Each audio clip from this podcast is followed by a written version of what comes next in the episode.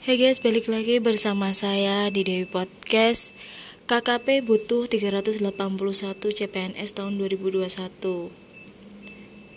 Dan ini syaratnya Kementerian Kelautan dan Perikanan mengumumkan kebutuhan calon pegawai negeri sipil tahun 2021.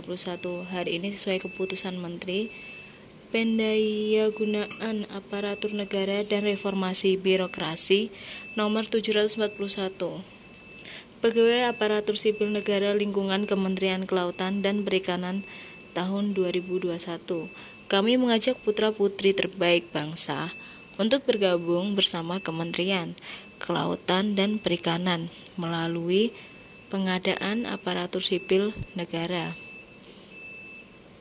Mengutip dokumen informasi CPNS, Kementerian membutuhkan 380 CPNS dengan 371 formasi umum, 4 formasi cum laude, 2 formasi disabilitas, dan 4 formasi putra-putri Papua.